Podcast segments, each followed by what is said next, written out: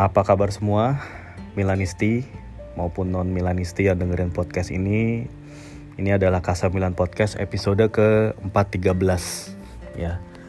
Semoga teman-teman semua dalam keadaan sehat selalu berada dalam lindungan Allah Subhanahu wa taala. Gue serius mengatakan ini karena di podcast ini maupun di akun Twitter gue itu gue maunya yang serba positif aja insya Allah gitu ya ya kalau dalam interaksi mungkin ya bisa jadi gue ada perkataan yang mungkin kurang berkenan ya sorry. Nggak sebetulnya nggak ada maksud ke situ. Maksudnya makin ke sini makin inilah ya makin ya pengennya yang santai-santai aja gitu ya. Nggak nggak ribet nggak gimana gimana pokoknya yang positif vibes aja lah gitu ini mungkin gak ada pertandingan ya dan ini adalah periode yang paling gak menyenangkan ya yang dialami fans klub bola Eropa yaitu international break.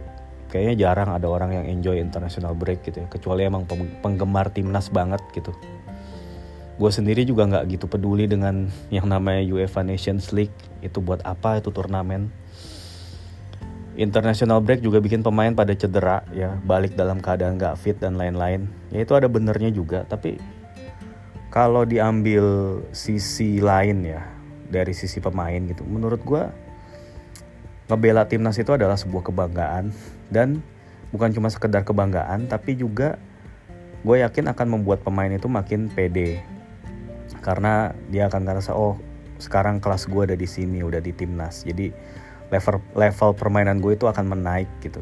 Dan semakin banyak klub tersebut diperkuat oleh pemain-pemain internasional itu tentu akan semakin baik buat citra klub tersebut. Bahwa klub tersebut ini membuat pemainnya itu tampil lebih baik gitu.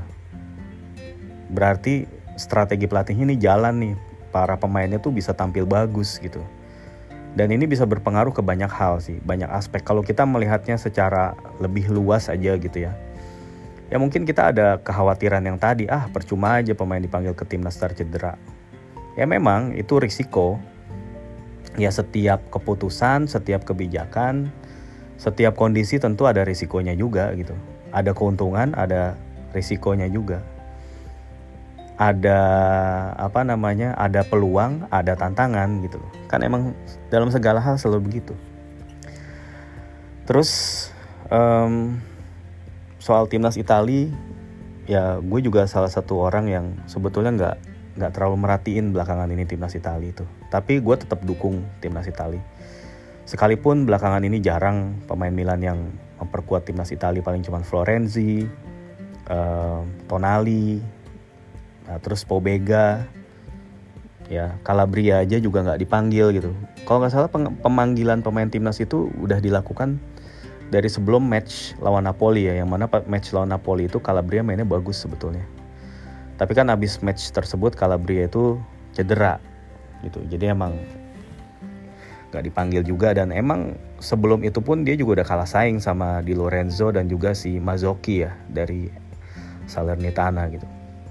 Entah itu pertimbangan Mancini itu apa nggak manggil Calabria mungkin kalau gue sih bisa ngelihatnya karena Italia itu mainnya position base ya main ball possession mengandalkan passing-passing banget gitu ya yang passing pendek yang cepet. Mungkin dia ngelihatnya Calabria nggak fit aja sama kebutuhan taktik dia gitu. Gue sih ngelihatnya seperti itu aja nggak yang melihat dari sisi ah Mancini subjektif nih atau apa. Gue gue nggak tahu lah soal itu ya tapi gue lebih suka ngelihatnya ya ini mungkin kebutuhan taktik aja gitu. Terus ya timnas Italia juga sekali lagi walaupun sekarang nggak banyak pemain Milan tapi uh, di masa lalu itu udah banyak pemain Milan yang memperkuat timnas Italia udah banyak banget. Bahkan pemain yang sekarang pun juga banyak yang dari akademi Milan kan yang lu tahu. Donnarumma, Cristante, Locatelli gitu ya. Itu kan alumnus Milan juga gitu.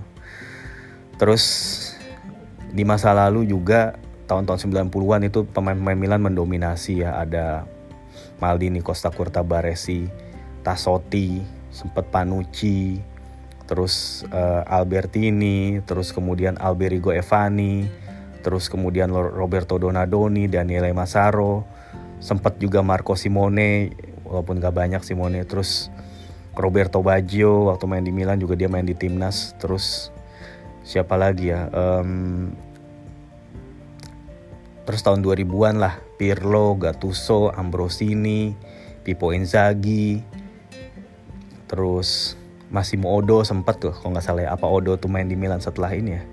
Setelah eranya selesai ya. Zambrota terus Bonera juga sempat kan. Ya banyak lah. Menurut gue Milan tetap punya andil besar gitu di timnas Itali. Gitulah menurut gue belum lagi di masa lalu yang lebih lawas lagi ada Cesare Maldini Gianni Rivera Fabio Cudicini Roberto Rosato ya siapa lagi? Um, Enrico Albertosi dan banyak lagi. Banyak sekali. Fulvio Colovati ya. banyak kan? Jadi gue tetap mendukung timnas Itali gitu ya dan kebetulan juga emang gue lebih dulu kenal timnas Itali daripada Milan. Ya di Piala Dunia 94 gitu. Terus balik lagi ke international break. Ya memang uh, Milan mendapatkan kabar buruk ya soal cederanya Mike Mignon yang cukup parah harus istirahat kayak sebulanan lebih mungkin ya. Jadi Mignon itu akan absen di pertandingan lawan Chelsea dua kali, terus lawan Empoli, lawan Juventus, terus mungkin setelah Juventus juga dia bisa aja absen dua tiga pertandingan lagi gitu. Yang mana ini tentu sebuah kerugian karena Mike Mignon itu dengan penyelamatan-penyelamatan dia dia sering bikin Milan dapat poin penuh. Juga dengan kemampuan distribusi bolanya dia bisa sering bikin kipas bahkan pernah sekali bikin asis gitu atau ya hampir jadi asis gitu. Artinya akan jadi kehilangan besar lah Mike Mignon dan ini membuat Milan itu harus mengubah list Liga Champions-nya ya. Setelah Milan itu ngedaftarin 17 pemain asing dan lalu kemudian 6 pemain lokal ya. Dan Mike Mignon itu pemain yang termasuk asing dia harus dieksklud ya bisa bukan harus sih. Milan punya pilihan untuk mengeksklud dia karena cederanya Mike Mignon itu diperkirakan akan lebih dari 30 hari pemulihannya jadi bisa dieksklud dan kemudian ditukar dengan Tata Rusanu kan selama ini kiper di UCL itu Mike Mignon, Mirante dan juga Andreas Jungdal. Mike Mignon cedera ya jadi Milan punya pilihan apakah tetap aja stay di situ list ya atau diganti dengan Tata Rusano. Cuman gue juga masih kurang paham nih apakah setelah ganti Tata Rusano gitu ya Milan harus nunggu lagi hingga Januari untuk bisa masukin Mike Mignon lagi gitu. Kan misalnya Mike Mignon cederanya sebulan dia baru sembuh nanti nih pas menjelang pertandingan lawan Dinamo Zagreb gitu sama ntar lawan Salzburg. Apakah Menyong bisa dimasukin lagi nanti gantiin Tata? Nah itu yang masih gue kurang clear. Ada yang bilang bisa, tapi gue nggak tahu ya. Gue perlu baca sumbernya dari sumbernya gitu. Sumber peraturannya yang mana gue masih belum sempat melakukannya. Tapi anyway, manajemen tahu yang terbaik. Gitu terus um, soal pemain-pemain yang tampil di timnas menurut gue juga ada beberapa yang cukup bagus. Simon Kayer sudah mulai main cukup lama walaupun sempat katanya diberitain agak cedera ya tapi dia dia kayaknya udah fit lagi Olivier Giroud sempat ngegolin satu terus uh, kemudian um, siapa lagi uh, Aster Franks itu di timnas Belgia U21 dia jadi kapten gitu ya terus siapa lagi ya Marco Lazetic juga dia di timnas Serbia yang usia muda dia juga nyetak satu gol Rafa Leao juga nyetak satu assist. Alexis Lemakers juga main, Lare juga main. Terus siapa lagi ya terusnya? Um, Theo, Theo nggak main, cedera. Ya Tomori, Tomori ditinggalin. Gue nggak ngerti itu kenapa alasannya Gareth Southgate sama sekali nggak ngasih kesempatan buat Tomori. Terus Theo, nah Theo itu ternyata rupanya nasibnya sama kayak Calabria. Jadi cedera selesai pertandingan lawan Napoli. Emang pertandingannya intens banget dan Theo kan termasuk pemain yang jarang cedera gitu ya dan dia selalu ngebut gitu dalam pertandingan larinya ngebut sering melakukan tendangan-tendangan terobosan-terobosan dan sering dilanggar sering di tackle terus akhirnya dia cedera dan sepertinya cedera ototnya juga lumayan parah gitu kayak harus ngabisin waktu dua minggu sampai sebulan buat recover. Nah sebetulnya dengan adanya international break Theo lumayan ketolong nih dia jadi ada punya waktu istirahat dua minggu full gitu. Coba kalau nggak international break Theo bisa udah pasti absen dalam dua match belum lagi nanti lawan Empoli Theo sepertinya akan absen juga ya jadi kalau misalnya nggak ada international break Theo udah pasti absen tiga tapi karena ada international break Theo itu cuman mungkin absen dalam dua doang lawan Empoli dan mungkin lawan Juventus juga udah balik gitu semoga gitu ya. Begitu juga Calabria. Calabria kabarnya juga udah udah fit ya, udah berlatih lagi gitu. Sandro Tonali juga kabarnya nggak fit ya. Untungnya ada international break dia jadi bisa memulihkan diri. Ante Rebic juga bisa memperpanjang pemulihannya, begitu juga di Fok Origi, Ibra, itu ya. Ya sehingga uh, pemain-pemain ini nanti bisa lah harusnya ngebantu tim gitu.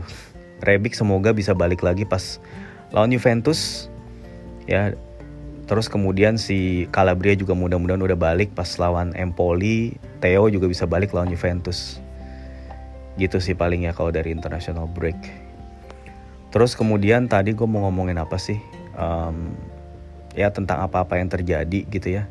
Oh ya Milan akhirnya udah di akuisisi ya oleh Redbird. Ini mungkin udah rada basi beritanya tapi ya akhirnya selesai juga proses aku, akuisisi ini board of director yang baru juga udah diumumin tapi belum resmi dipasang di website. Ivan Gazidis sepertinya akan stop sampai November akan diganti dengan Giorgio Furlani Paulo Scaroni entahlah masih tetap menjabat atau enggak kayaknya masih ya. Terus tim-tim lain direktur-direktur lain juga kayaknya masih masih ada yang tetap dipertahankan. Terus ada juga direktur-direktur baru juga gitu nanti gue pengen lihat lagi susunannya ntar. Nanti di website gitu ya. Terus Milan juga menjalin partnership dengan uh, eBay ya dengan eBay. Ini menurut gue partnership yang bagus ya karena eBay merupakan salah satu website lelang terbesar ya. Yang mana Milan akan mendapatkan exposure lagi gitu dengan menjalin kerjasama dengan eBay. Ini emang sejalan sama uh, strategi marketingnya Milan ya dengan mendekati perusahaan-perusahaan salah satunya bergerak di bidang teknologi. Karena emang sasaran marketnya Milan itu emang anak-anak milenial ke bawah yang dekat dengan gadget gitu dan mendekati perusahaan uh, techno seperti eBay ini langkah yang bagus gitu ya. Terus abis itu berbicara tentang Pioli. Nah, Stefano Pioli uh, mungkin ada juga yang ngeritik. Kenapa sih uh, mainin Pobega? Kenapa sih uh, mainin Makers? Kenapa sih nggak nyoba Deket Lara di kanan? Kenapa sih nggak gini? Kenapa nggak gitu? Kenapa nggak coba ganti formasi ketiga back dan lain-lain? atau 4312 kenapa sih Yasin Adli nggak dipasang gitu ya menurut gue ya cuman beliau yang punya jawabannya gitu tapi gue rasa gue cukup bisa mengerti sejauh ini pemilihan dia tentang dianya juga yang selalu berkata yang baik-baik tentang Deket Lare tapi sekaligus juga nggak terlalu berlebihan memujinya dia gitu. Ya dia pengen Deket Lare itu perlahan integrate ke tim Milan gitu. Nggak memberikan paksaan untuk cepat memberikan impact. Tapi dipasang terus deket larenya ini hal yang bagus menurut gue Rafa Leao Pioli juga sabar dalam mendidik Leao lu kalau baca di buku gue yang La Storia Scudetto lu bisa lihat bagaimana peran besar seorang Stefano Pioli terhadap karirnya Rafa Leao begitu juga Tomori salah satu indikator pemain apa pelatih yang bagus itu adalah bisa membuat pemain-pemainnya itu yang tadinya kualitasnya mungkin biasa-biasa aja jadi bagus gitu. Frank Kessie jadi bagus banget di tangan Pioli. Ya, terus Sandro Tonali, Benacer, bahkan Rade Krunik, terus um, Leao tadi udah disebutin, Selemakers, Calabria, ya. Um, Pierre Kalulu, Theo Hernandez, Mike Mignon itu pemain-pemain ini tuh progresnya bagus gitu di tangan Stefano Pioli. Ini adalah salah satu contoh keberhasilan menurut gue dari seorang pelatih yang dia bisa memaksimalkan skuad yang dia punya.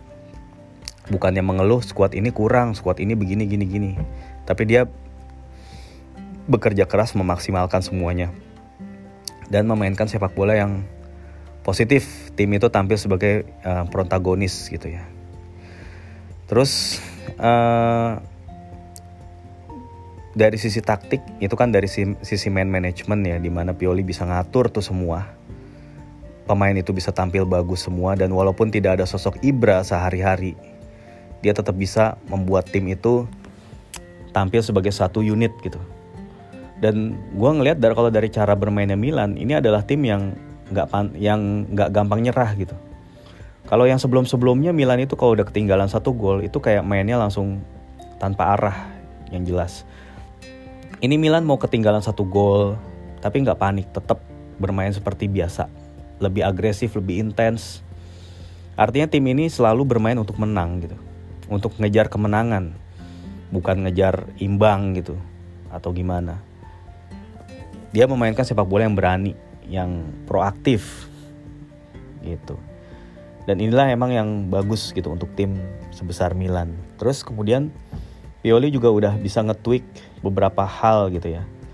Misalnya terkait ya dia nggak punya right winger yang tajam, skillful dan segala macam, tapi dia bisa memaksimalkan permainan Makers dan Junior Mesias.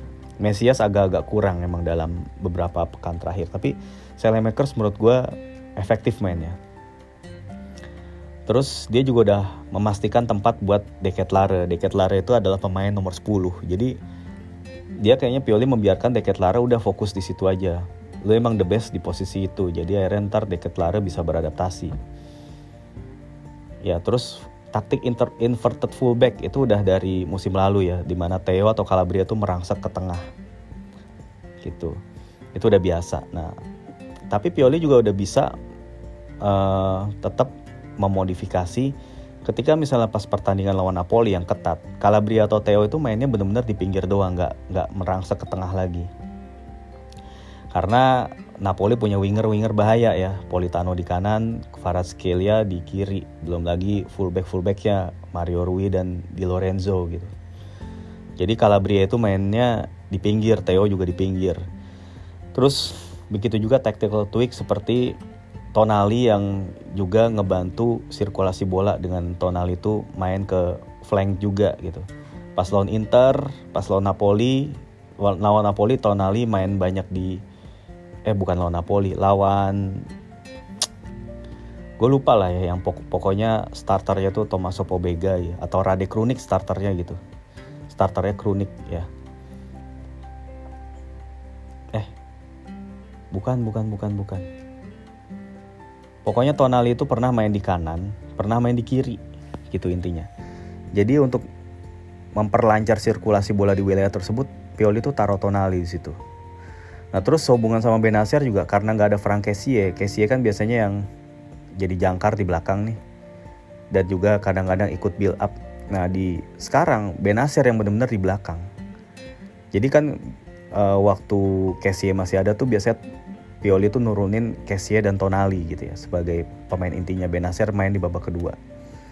Nah sekarang dengan gak adanya Kessie, Benacer selalu main dari awal. Gitu. Dia kemungkinan akan diganti di babak kedua gitu. Tapi Benacer tuh dari awal dan kemudian dia meminta Benacer itu yang ngatur dari belakang. Itu terlihat kalau dari stats jumlah passingnya Benacer itu lebih banyak ya dalam waktu 90 menit. Walaupun dari sisi akurasi agak berkurang karena Benacer kadang mainin long ball dan Benacer itu konsentrasi atau uh, arah passingnya itu selalu lebih lateral ataupun uh, passing-passing yang jaraknya pendek gitu. Jarang passing-passing medium atau passing-passing di final third di mana itu terjadi musim lalu pada saat Casey itu lebih jadi pemain jangkar, Benacer tuh lebih maju. Nah sekarang Benacer yang lebih jadi pemain jangkar nih, Tonali yang lebih maju ke depan ya itu kan tactical tweak yang udah dilakukan gitu Terus Olivier Giroud juga lu perhatiin belakangan ini lebih sering dapat bola dan akhirnya dia lebih sering nyetak gol. Positioningnya Giroud juga itu dibenerin gitu sama Pioli dan kemudian uh, Leao juga Leo juga diminta menyesuaikan ya di samping dia mengeluarkan kemampuan individu, dia juga bekerja dalam tim. Nah terus begitu juga uh, dengan set piece ya, itu udah membaik pas lagi pertandingan Napoli lawan Napoli itu udah membaik. Ya begitu juga soal pergantian pemain yang mana Pioli itu udah udah punya pola gitu di menit keberapa masukin siapa siapa siapa. Dan sering kali pergantian pemain itu juga membawa hasil. Ya Milan kalah sekali seri dua kali gitu ya. Uh, terus menang empat kali menangkan lawan um, siapa aja menang lawan Bolonya lawan uh, siapa lagi kemarin Udinese gue lupa Udinese, Bolonya, terus lawan apalagi Milan udah menang ya. Kok gue lupa ya tiba-tiba ya Inter sama satu lagi kayaknya ada deh. Ya pokoknya ada satu lagi lah. Ini menurut gue hasil yang oke okay sih di tujuh pertandingan pertama dan jangan lupa Milan itu udah ketemu rival-rival langsung nih Inter, Napoli, Atalanta dan Udinese gitu. Semua itu bisa empat besar gitu. Selain itu Milan kan ketemunya Sassuolo dan Bolonya gitu kan. Sama satu lagi Milan ketemu apa sih kok gue bisa lupa ya. Nah ya udahlah ntar kalau gue inget gitu gue sebut. Ya Pioli udah melakukan banyak hal sih. Pioli udah berani masang Pobega dan itu terbukti pas lawan Dinamo Zagreb. Pioli masukin Pobega itu menambah power gitu di tim Milan. Dan akhirnya Pobega nyetak gol ketiga. Ya walaupun emang ini baru satu pertandingan ya kita nggak bisa nggak bisa bilang oh Pobega bagus segala macam baru satu match gitu. Tapi ini good sign lah bahwa Pioli akan memberikan kepercayaannya dia gitu. Tinggal dia bagaimana memanage laga-laga yang dia lalui supaya bisa tetap mengambil poin-poin penuh gitu poin-poin penting karena Milan gak bisa terlalu banyak lagi nih kehilangan poin menurut gue. Tinggal 21 lagi poin jatah Milan kehilangan drop poin nih menurut gue. 21 dari mana? Itu udah pernah gue ceritain di episode-episode sebelumnya.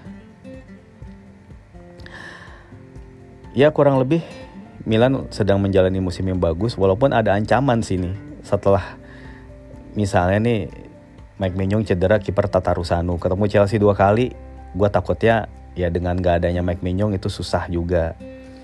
Susah menang gitu. Belum lagi lawan Juventus gitu ya. Terus uh, Theo mudah-mudahan aja cedera Theo nggak parah sih. Ya. Dan juga mudah-mudahan Ante Rebic cepat main karena riskan banget untuk maksain Olivier Giroud terus gitu. Giroud main 90 menit 90 menit main dia udah 36 tahun umurnya gitu ntar sekalinya cedera repot. Karena faktor cedera inilah yang ke kemudian menurut gue bisa menentukan Milan itu finish di mana sih musim ini. Gitu. Ya berharap yang terbaik aja lah. Gue rasa itu aja. Dan tim rival juga sedang dalam kondisi nggak bagus. Ya kita harus manfaatin ini sih menurut gue oke ya udah gue rasa itu aja makasih udah dengerin Kasamilan Podcast semoga berkenan Terima kasih udah dengerin dan sampai jumpa lagi dalam episode-episode mendatang. Ciao.